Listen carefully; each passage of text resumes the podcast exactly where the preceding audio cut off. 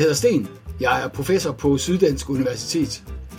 Det er en podcast i serien Juraens Verden, juridisk metode hos forskellige professioner. Ideen er, at mange jurister bruger juridisk metode i deres arbejde, men at metoden kan se lidt forskellig ud, alt eftersom man er dommer, advokat, anklager eller ansat i forvaltningen eller noget helt andet. Det er et aspekt, der ikke rigtig er behandlet systematisk nogen steder. Vi startede så småt på det med bogen Juraens Verden, der udkom i 2020 på Jeffs forlag. Men vi vil gerne gå videre, og det gør vi nu, ved simpelthen at tale om juridisk metode med forskellige jurister i forskellige job.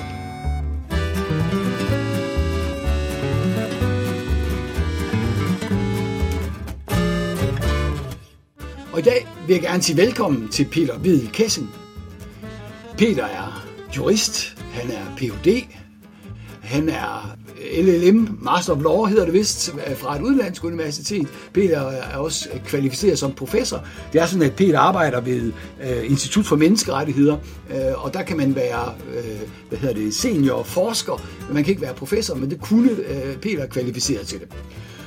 Øh, Peter Vedel Kessing er også medlem af FN's torturkomité, involveret i mange projekter i både ind- og udland, med besøg i arrester og fængsler. Peter er rådgiver for Dignity, en øh, dansk organisation for tortur, eller mod tortur er det selvfølgelig. Øh, rådgiver for Udenrigsministeriet i forhold vedrørende tortur med videre. Peter har også været dommer ved byretten, øh, og har i flere omgange været medlem af Flygtningenevnet, som er sådan en appelinstans for øh, asylansøgere, der i første omgang får afvisning, og så kan de altså klage til Flygtningenevnet. Så øh, øh, velkommen til dig, Peter. Og vi skal tale lidt om juridisk metode og dit arbejde, og det første spørgsmål, jeg vil stille dig er, hvis juridisk metode er den metode, man bruger, når man skal have svar på juridiske spørgsmål, bruger du så juridisk metode i dit arbejde? Ja, altså det, det, vil jeg, øh, det vil jeg absolut. Først vil jeg selvfølgelig sige mange tak for invitationen og for et utroligt spændende øh, projekt her, en spændende podcast, og virkelig interessant at diskutere juridisk metode hos forskellige professioner. Så det, det er jeg rigtig glad for. Det, det er spændende og relevant, synes jeg, at kigge på det. Øh, og så, så er det rigtigt, i mit arbejde, jamen der, altså det, det er jo sådan set en ret blandet arbejde, jeg har på den måde, at jeg, jeg har forskellige øh, funktioner. Jeg er jo både forsker her på instituttet, hvor vi har en forskningsafdeling, men, øh, og så laver vi også, øh, laver vi også en del øh, høringssvar, altså når der er nye lovforslag, hvor vi så øh, øh, kommenterer på lovforslag ud fra en menneskeretlig vinkel, og siger, at risikerer vi at komme i strid med menneskerettighederne, hvis, hvis, vi, øh, hvis, den her, hvis Folketinget vedtager den her lovgivning. Og så har jeg også, øh, er jeg også involveret i nogle udredninger, vi laver, altså hvor vi faktisk er ude og kigge på forhold ude i, i Danmark, og ser på, er der menneskeretlige problemer. Vi har kigget, jeg har arbejdet en del med fængsler, øh, øh, som du sagde, også øh, været inde, vi har kigget på fængsler, blandt andet brugen af peberspray i fængsler, som blev lovligt for, for en 6-7 år siden. Øh, og så har vi set på, hvordan bliver det egentlig brugt, øh, hvor vi så er ude, altså både at kigge på jura, men også empiri, øh, og kombinere det. Øh, og så er jeg også involveret, som du sagde, i nogle internationale projekter. Så i virkeligheden er det jo sådan en meget, meget bred... Øh, mange forskellige ting, jeg, jeg, jeg, jeg arbejder med her på instituttet. Men jeg vil sige, at øh, det er utrolig vigtigt, synes jeg, at have juridisk metode. Øh, øh, også præcis, når man arbejder på menneskerettighedsområdet, fordi at vi er så tæt på det politiske. Det er jo også generelt, øh, kan man sige, på det folkeretlige område, og menneskerettigheder er jo en del af folkeretten, at, øh, så er det jo øh, meget tæt, den her linje mellem, eller grænsen mellem politik og jura. Øh, det, er, det, det er jo tæt på hinanden. Øh, Øh, og derfor er det utrolig vigtigt, jeg synes, at man er klar på sin metode, man anvender juridisk metode, og siger, det er altså ikke politik, det her vi laver, når vi kommer med et eller andet, øh, en anbefaling eller en vurdering af et lovforslag for eksempel, jamen så er det ud fra en helt klar juridisk metode. Det er altså ikke politisk, øh, en politisk, fordi vi ønsker at fremme menneskerettighederne. det er jo utrolig vigtigt, at man ikke kommer ind i det. Og der kan man sige, hvis man går nogle år tilbage, altså 15 år tilbage eller sådan noget, så var der meget kritik faktisk af instituttet for ikke at, at lave øh, stringente nok høringssvar blandt andet, altså til lovgiverne. Hvor vi gik ind og sagde, nogen sagde, at, at vi ikke var klare nok i vores juridiske vurdering, altså vi ikke brugte juridisk metode klart nok, men vi gik for meget over og ligesom politiserede øh, og sagde, at øh, det kunne være ikke på kant med menneskerettighederne og, og, og kom med nogle anbefalinger, som, som ikke var sådan helt klart juridisk funderet.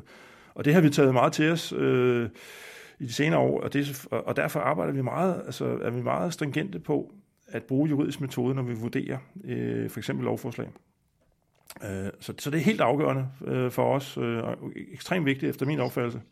Kan du sige lidt mere om det? Fordi det er måske netop øh, altså en ting, der er specielt for, for det, øh, sådan en som dig laver, øh, hvor der er andre, der forsker, men netop det at komme med, med høringssvar, øh, som, som du siger, jo skal være juridiske høringssvar øh, fra et øh, Institut for Menneskerettigheder. Kan du sige lidt om, sådan, øh, hvordan bruger du juridisk metode i forhold til sådan et høringssvar?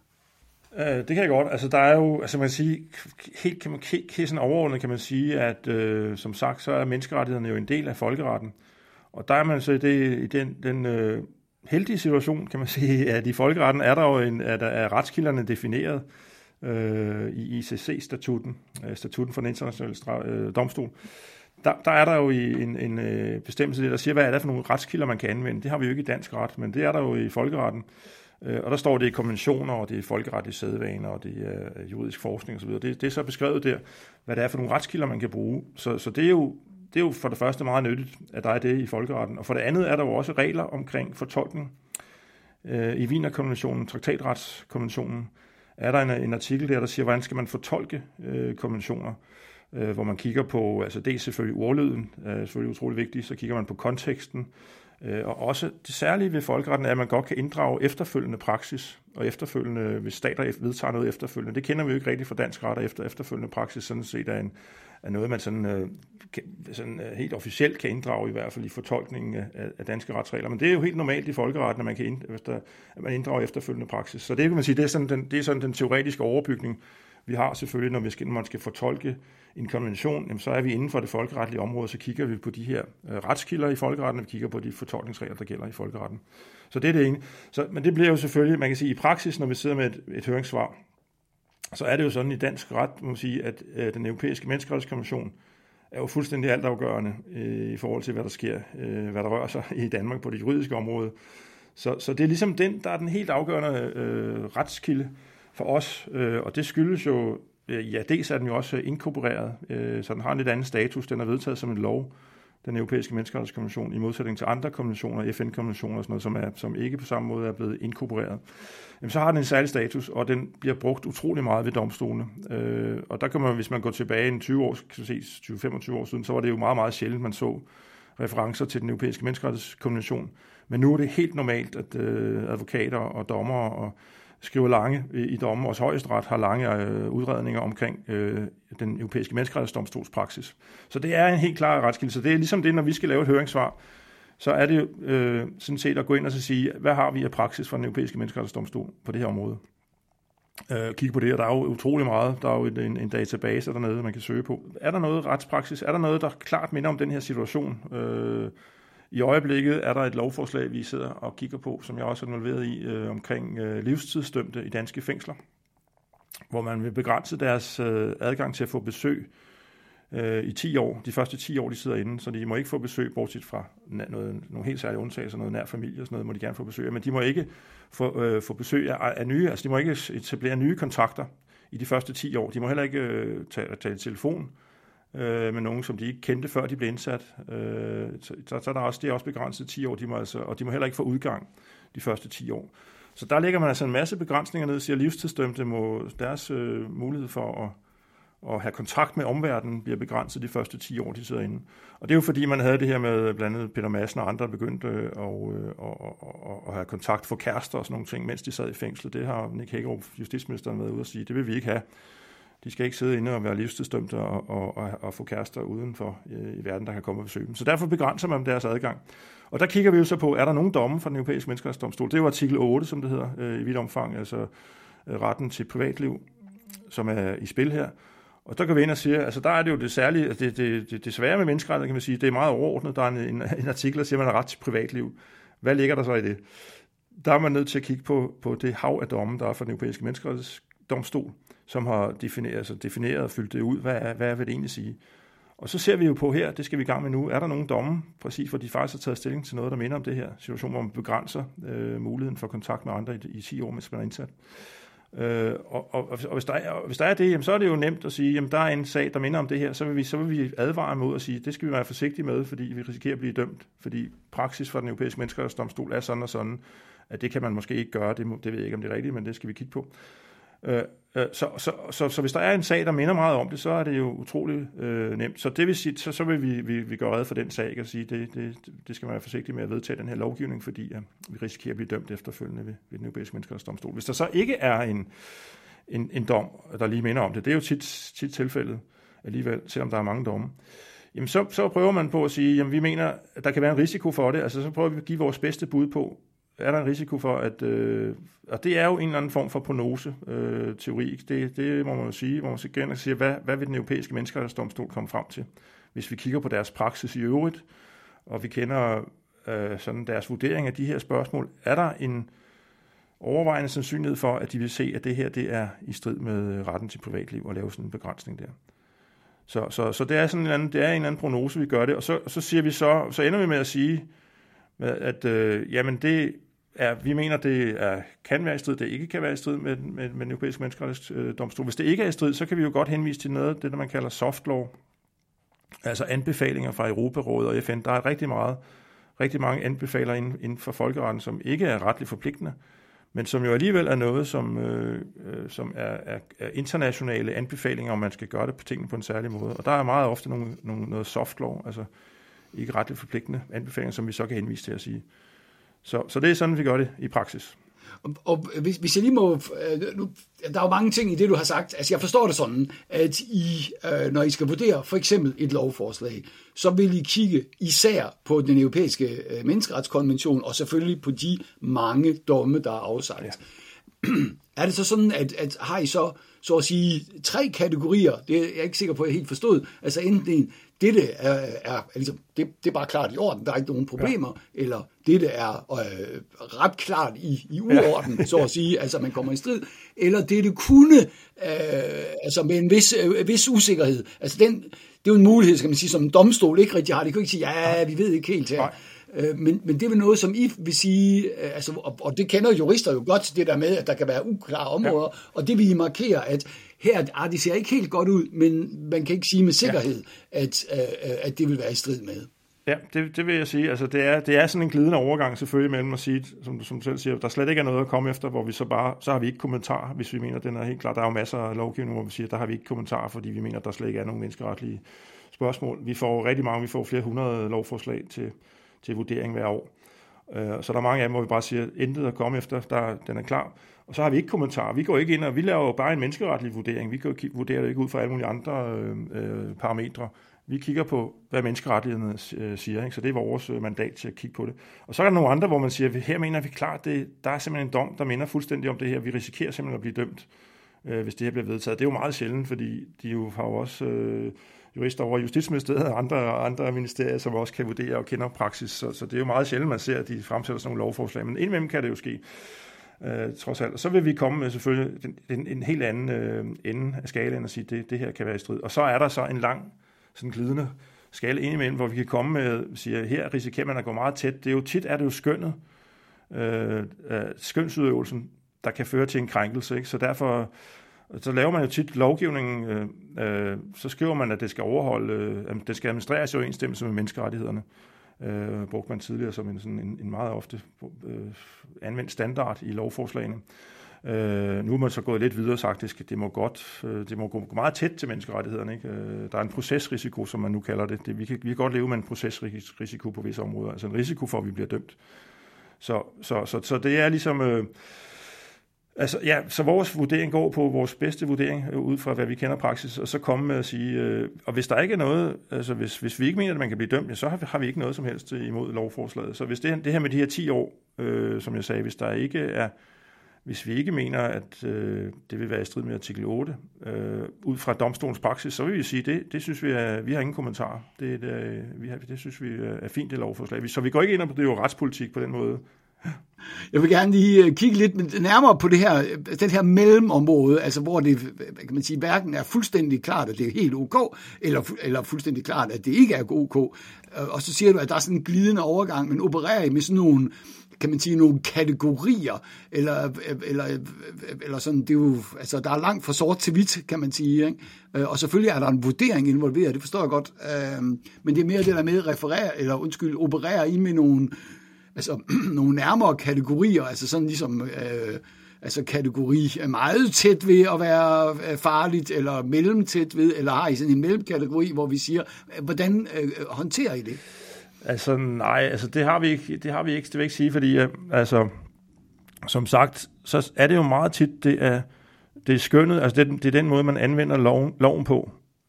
Der kan, altså selve loven er meget, meget sjældent øh, øh, øh jeg, jeg skal lige være sikker, når du siger skønt, altså så er det den måde, som loven kunne tænkes at blive anvendt på, at det er der, der kan tænkes at, at være problemer. Det er ikke så meget selve loven, som i sig selv vil være i strid med, men, øh, med menneskerettighederne.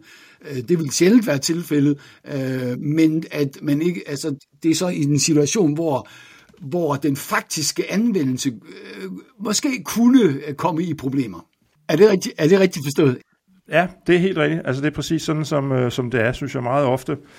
Så er det jo, altså lovgivning er jo en ramme. Meget ofte en ramme for de afgørelser, der skal træffes. Og her er der også, øh, når jeg for eksempel hvis vi vender tilbage til det med livstidsdømte, der ikke må få besøg de første 10 år, der er der også en lille undtagelsesbestemmelse, der står, at der kan i nogle helt særlige tilfælde, kan man øh, fravige det her, så kan man altså godt gå ind alligevel og lave øh, og tillade, øh, at man får besøg. Og så må man sige, okay, så er loven sådan set øh, god nok, fordi det, man skal jo have, man skal have et konkret skøn, individuelt skøn af, om det er nødvendigt og proportionalt at afskære en besøg. Det kræver artikel 8 i den europæiske menneskerettighedskonvention. Så så skal man så, så, så, skal man sige, hvis man helt afskærer skønnet, skønnet det var jo det, det, var det vi ser i øjeblikket i rigsret, rigsretssagen øh, med Inger Støjberg. Hvis man helt går ind og afskærer et skøn og siger, at man altid bare skal gøre et eller andet, altså man, man aldrig må få, få besøg, eller man aldrig må være sammen med den, man er gift med, øh, jamen så kan, det, så kan det være i strid med artikel 8, fordi så afskærer man skønnet. Men der står godt, altså står netop i artikel 8 stykke 2, øh, står der, at man godt må gå ind og øh, lave indgreb i privatlivet, hvis det er nødvendigt og proportionalt, som der står. Og for at kunne foretage den vurdering, så skal man jo netop ind og, og lave en konkret individuel vurdering af den enkelte sag og sige, er det nødvendigt og proportionalt lige her, for den her livstidsdømte, at man afskærer hans besøg i, i 10 år. Så, så, så det vil sige, så selve loven er jo ofte, eller er stort set altid, altså meget, meget sjældent, at en lov er i strid med menneskerettighederne. Men det kan være den måde, man bruger loven på. Altså her, hvis man bruger den her særlige undtagelsesbestemmelse, øh, der er, hvor man godt kan få besøg, hvis man bruger den på en meget restriktiv måde, øh, jamen så kan det risikere, at øh, anvendelsen bliver i strid med artikel 8, fordi det ikke er nødvendigt og proportionalt at begrænse en, øh, en indsatsbesøg i 10 år. Og det er så noget, I, I går, går nærmere ind i. Altså, måske, hvordan gør I det? Kan du sige lidt om det? Altså, prøver jeg at opstille nogle scenarier? Fordi I har vel ikke, altså, I har jo ikke på den måde noget fakta, altså, fordi der er jo netop ikke nogen hændelsesforløb, men prøver I så at opstille nogle, altså så at sige, hypotetiske hændelsesforløb, at her vil det være et problem, men i, et, i sådan et tilfælde her vil det være UK. Er det, er det sådan noget, I gør? Ja, det, det gør vi. Det gør vi. Altså, så prøver på ligesom at anskueliggøre tit så kan det være noget med at, at præcisere den der undtagelsesbestemmelse. Hvis, hvis det præcis det her, kan man sige, kan man gøre det, kan man gøre den, skal den gøres bredere, den her undtagelsesadgang.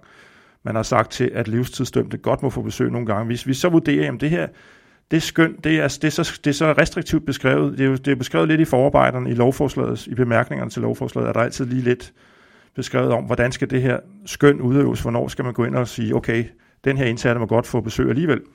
Og det tit kan det være, øh, ikke tit, men det kan være beskrevet øh, meget, meget snævert. Og der kan vi så vurdere og sige, jamen der er altså en risiko, når man beskriver det så snævert der i undtagelsesadgangen, så kan det komme i strid med artikel 8 stykke 2, fordi det ikke er så proportionalt. Så derfor kan man gå ind og så sige, at vi, vi anbefaler, at man overvejer, og, altså, og, der, og der kunne vi sagtens finde på at nævne nogle scenarier og sige, der kan være en person, altså der står, at man kan få besøg af, sin, af, af, sin, øh, af, af sit barn, for eksempel, men hvad, hvad, med, altså, hvad med noget andet? Hvad med en, en mor, eller hvad med en, en, en, en forældre, eller, eller nogle andre ting, der kan, der kan minde om det? Kan sige, hvad så med den situation? Skal det, så man så ikke også kunne få undtagelse der til at få besøg, for eksempel? Ikke? Så det er noget med at gå ind konkret og så sige, øh, jamen kan der være behov for, vil vi anbefale, at man, man præciserer i lovforarbejderne, i bemærkningerne, øh, går ind og siger, at der skal altså nogle flere undtagelser ind, eller beskrive det bedre, den der undtagelsesadgang. Øh, altså, fordi man prøver på at gå ind og beskrive selve skøn, hvordan skal man udøve det her? Det er jo det, man gør i lov, fra, fra lovgivers side. Man går ind og siger, hvordan skal, hvordan skal udlændingemyndighederne, eller ikke det er så, det er så øh, fængselsmyndighederne her, hvordan skal de øh, udøve det skøn der? Det er det, man prøver på at normere i, i bemærkningerne. Og der kan man så gå ind på den måde være med til at påvirke skønnet, den måde skønsudøvelsen jo, hvis vi kan være med til at sige, at vi er nervøse for, det står for snævert, vi er nervøse for, at det vil føre til nogle afgørelser, øh, som risikerer at blive i strid med det. Så, så det er jo lidt, øh, det er svært, fordi vi netop ikke har fakta, som du siger. Ikke? Altså, det er en prognose, vi prøver på at sige, hvordan, vil, hvordan, vil det, hvordan tror vi, det kan gå, og så sammenholder vi det med, med praksis fra den europæiske menneskerettighedsdomstol på det her område. Ikke? Og så siger vi, bliver det for snævert, bliver det for, for indskrænket. Ja. Kan man sige det på den måde, at, at det at opstille sådan forskellige scenarier, altså ligesom at den situation, den falder vist ud over, mens vi skønnet udøves sådan her, så ser det mere fornuftigt ud. Kan man sige, at det, det er sådan set også en form for, for juridisk metode, at man, når man nu ikke har et, et faktuelt hændelsesforløb, øh, fordi der er tale om noget fremtidigt, ja, så må man prøve at opstille nogle scenarier og foretage en vurdering af det her. Vil den her situation gå? og her ser, har vi, får vi vist problemer. Øh, og sådan. Det, det er vel også en del af en, en, en form for juridisk metode, kan man sige.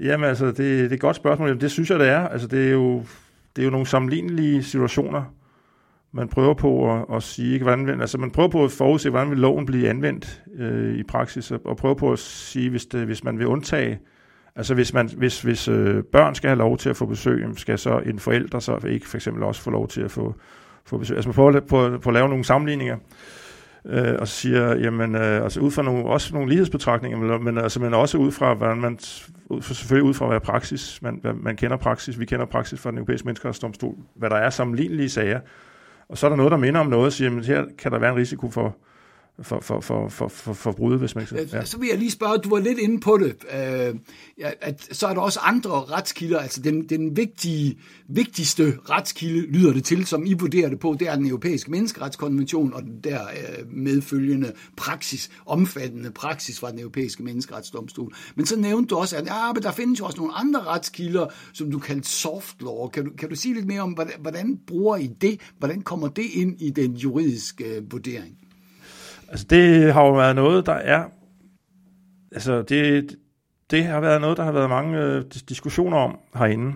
Øh, og hvis man kigger på, på altså fordi vi, vi prøver sådan set at lave en vurdering, som en domstol øh, vil gøre det, altså som jeg sagde.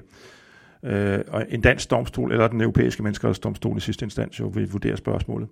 Og hvis man kigger på danske domstol, Jamen så er det jo meget, jeg kan huske, jeg lavede selv, et, havde selv en undersøgelse af det altså, for nogle år siden, at det er meget lidt, de bruger soft, soft law, øh, danske domstol. Men det er jo, soft law er jo det her med, at der er et hav af anbefalinger, som stater har vedtaget øh, i FN-regi og i Europarådet også. Øh, så på alle, stort set alle områder. Så vi har jo selvfølgelig de bindende konventioner, det er det europæiske menneskerettighedskonvention i Europa, og FN-menneskerettighedskonventioner øh, i FN, Øh, Øh, så dem har vi jo, og de er jo retligt forpligtende, øh, hvis man ratificerer dem. Men derudover, så er der også altså det, som sagt, som hedder soft law, altså anbefalinger øh, og vedtagelser og rekommendationer. Øh, og det er man rigtig mange af, som hvor stater altså går ind og bliver enige om et eller andet. Og for eksempel på fængselsområdet er der enormt mange, øh, både Europaråds og FN's resolutioner, hvor stater siger, altså går sammen og laver nogle regler, som de siger, de er ikke bindende dem her, men det er gode, det er anbefalinger. Sådan vil vi anbefale, at man behandler indsatte i danske eller i fængsler i, i hele verden, hvis det er FN eller Europa. Så, så det, er meget, det er meget brugt øh, i folkeretten, øh, og hvis man ser på den europæiske menneskerettighedsdomstolspraksis, så er det meget almindeligt, de henviser til soft law, altså de henviser til Europarådets øh, resolutioner. For eksempel hvis de sidder, de for nogle år siden kiggede på, hvor meget øh, plads skal indsatte have i et, et, en fængselscelle. Øh, Øh, og så, så siger de, ja, det, der står jo artikel 3, det har man den europæiske menneskerettighedskommission, man må ikke udsætte folk for, for umenneskelig nedværende behandling. Hvad ligger der i det? Ja, det, det, det er jo svært at, øh, at sige selvfølgelig noget om, hvor meget, mange kvadratmeter man så skal have. Og så kigger de så øh, på, praks, på, på det her softlov fra Europarådet og FN. Der er nogle klare anbefalinger på, hvor mange plads man skal have, 6-7 kvadratmeter øh, per indsat. Øh, og så gik det ind og inddrog det i deres fortolkning og sagde, der er faktisk softlaw, der siger sådan og sådan. Vi lægger os så lidt under, fordi vi vil ikke, øh, vi vil ikke, øh, vi er, vi er en domstol, Så, så vi behøver ikke at følge de der anbefalinger, men øh, vi mener, at det bliver i strid med, det bliver nedværdende, hvis man kommer under øh, 4-3 kvadratmeter, tror jeg det var, de kom frem til øh, for den enkelte person. Ikke? Men det er meget almindeligt i øh, den europæiske menneskerettighedsdomstol, man inddrager softlaw helt almindeligt, i modsætning til ved danske domstol, hvor, hvor jeg tror, der er meget, meget, jeg, jeg tror, jeg fandt et eksempel, to eksempler på, hvor en dansk domstol har henvist til en, en, en erklæring, fra Europarådet øh, på menneskerettighedsområdet. Det kan være andre ud fra andre områder, men lige på menneskerettighedsområdet, så er det meget, meget sjældent, at øh, man ser henvisninger til, til sådan nogle anbefalinger. Så det, det er lidt sjovt. Der er jo sådan en, en kan man sige, en, en, en, øh, en forskellig fortolkningsstil øh, i folkeretten, altså i den europæiske menneskerettighedsdomstol og ved danske domstole, øh, hvor de danske domstole er mere restriktive og, og fortolker ud fra nogle danske fortolkningsprincipper, men ikke ud fra de, fra de øh, fra folkeretlige fortolkningsprincipper, som, som den europæiske menneskerettighedsdomstol anvender.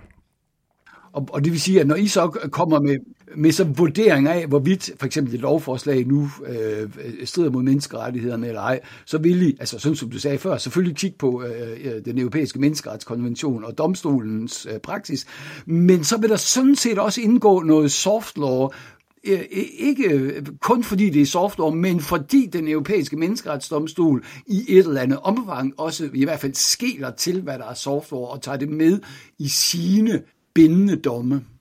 Lige præcis. Og det er faktisk, altså det var meget, det er jo en sjov måde at få det ind på. Altså der er faktisk den der, en af de få domme, jeg fandt, det var en landsrets, jeg tror det var Øster Landsretsafgørelse for nogle år siden, der netop inddrog softlaw, og begrundelsen for det var, at det, det vil den europæiske menneskerettighedsdomstol øh, jo gøre.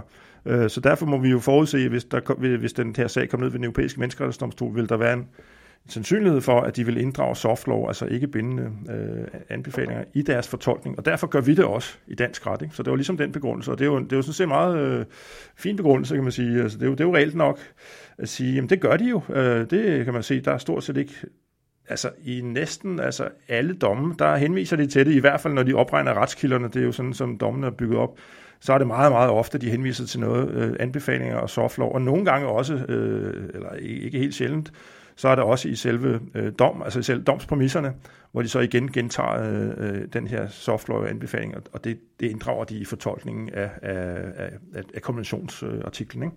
Så, så det er helt reelt, og, og det er rigtigt, altså, så, så det gør vi, men vi er jo meget forsigtige med at sondre mellem det. Altså ekstremt forsigtige, vil jeg sige. Altså, det er nok selvfølgelig også, det er jeg i hvert fald personligt, men meget forsigtig med at sige, hvad er der af bindende ret. Der er det her, øh, og der ved vi, hvis der er afgørelser for EMD, og så er der noget soft law, øh, som så vi så siger, altså så vil vi, vi vil jo ligesom sige, at vi mener, hvis vi ikke mener det, at det fører til menneskerettighedskrænkelse, så vil vi sige, at vi mener ikke ud fra praksis for den europæiske menneskerettighedsdomstol, som jo er bindende for Danmark, det mener vi ikke, at det er i strid med menneskerettighederne. Men så er der, og så vil jeg lave et nyt afsnit og sige, at der er øh, i øvrigt nogle anbefalinger fra Europarådet og FN, øh, som kan inddrages i fortolkningen også. Det gør den europæiske menneskerettighedsdomstol selv.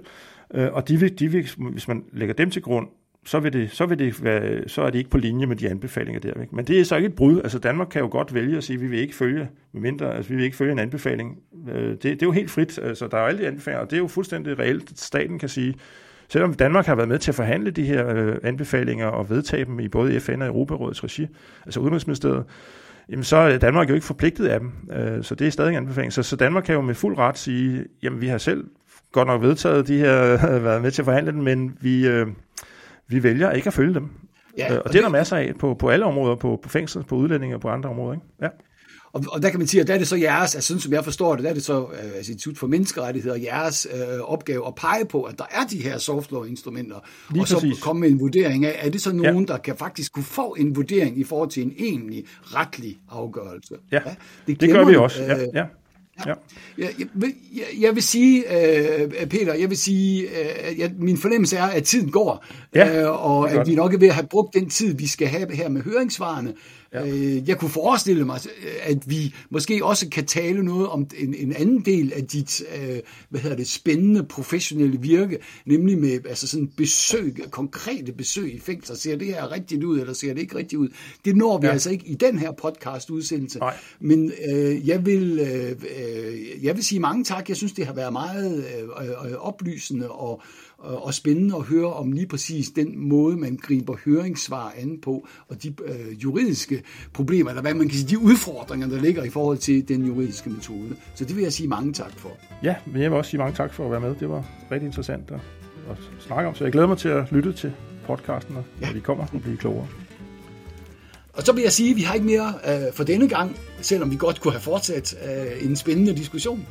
Podcasten er produceret øh, i forbindelse med fagets øh, juridisk metode, øh, og jeg, Sten Schaumburg Møller, står for interviewer og idé, og Carsten Prins står for teknikken.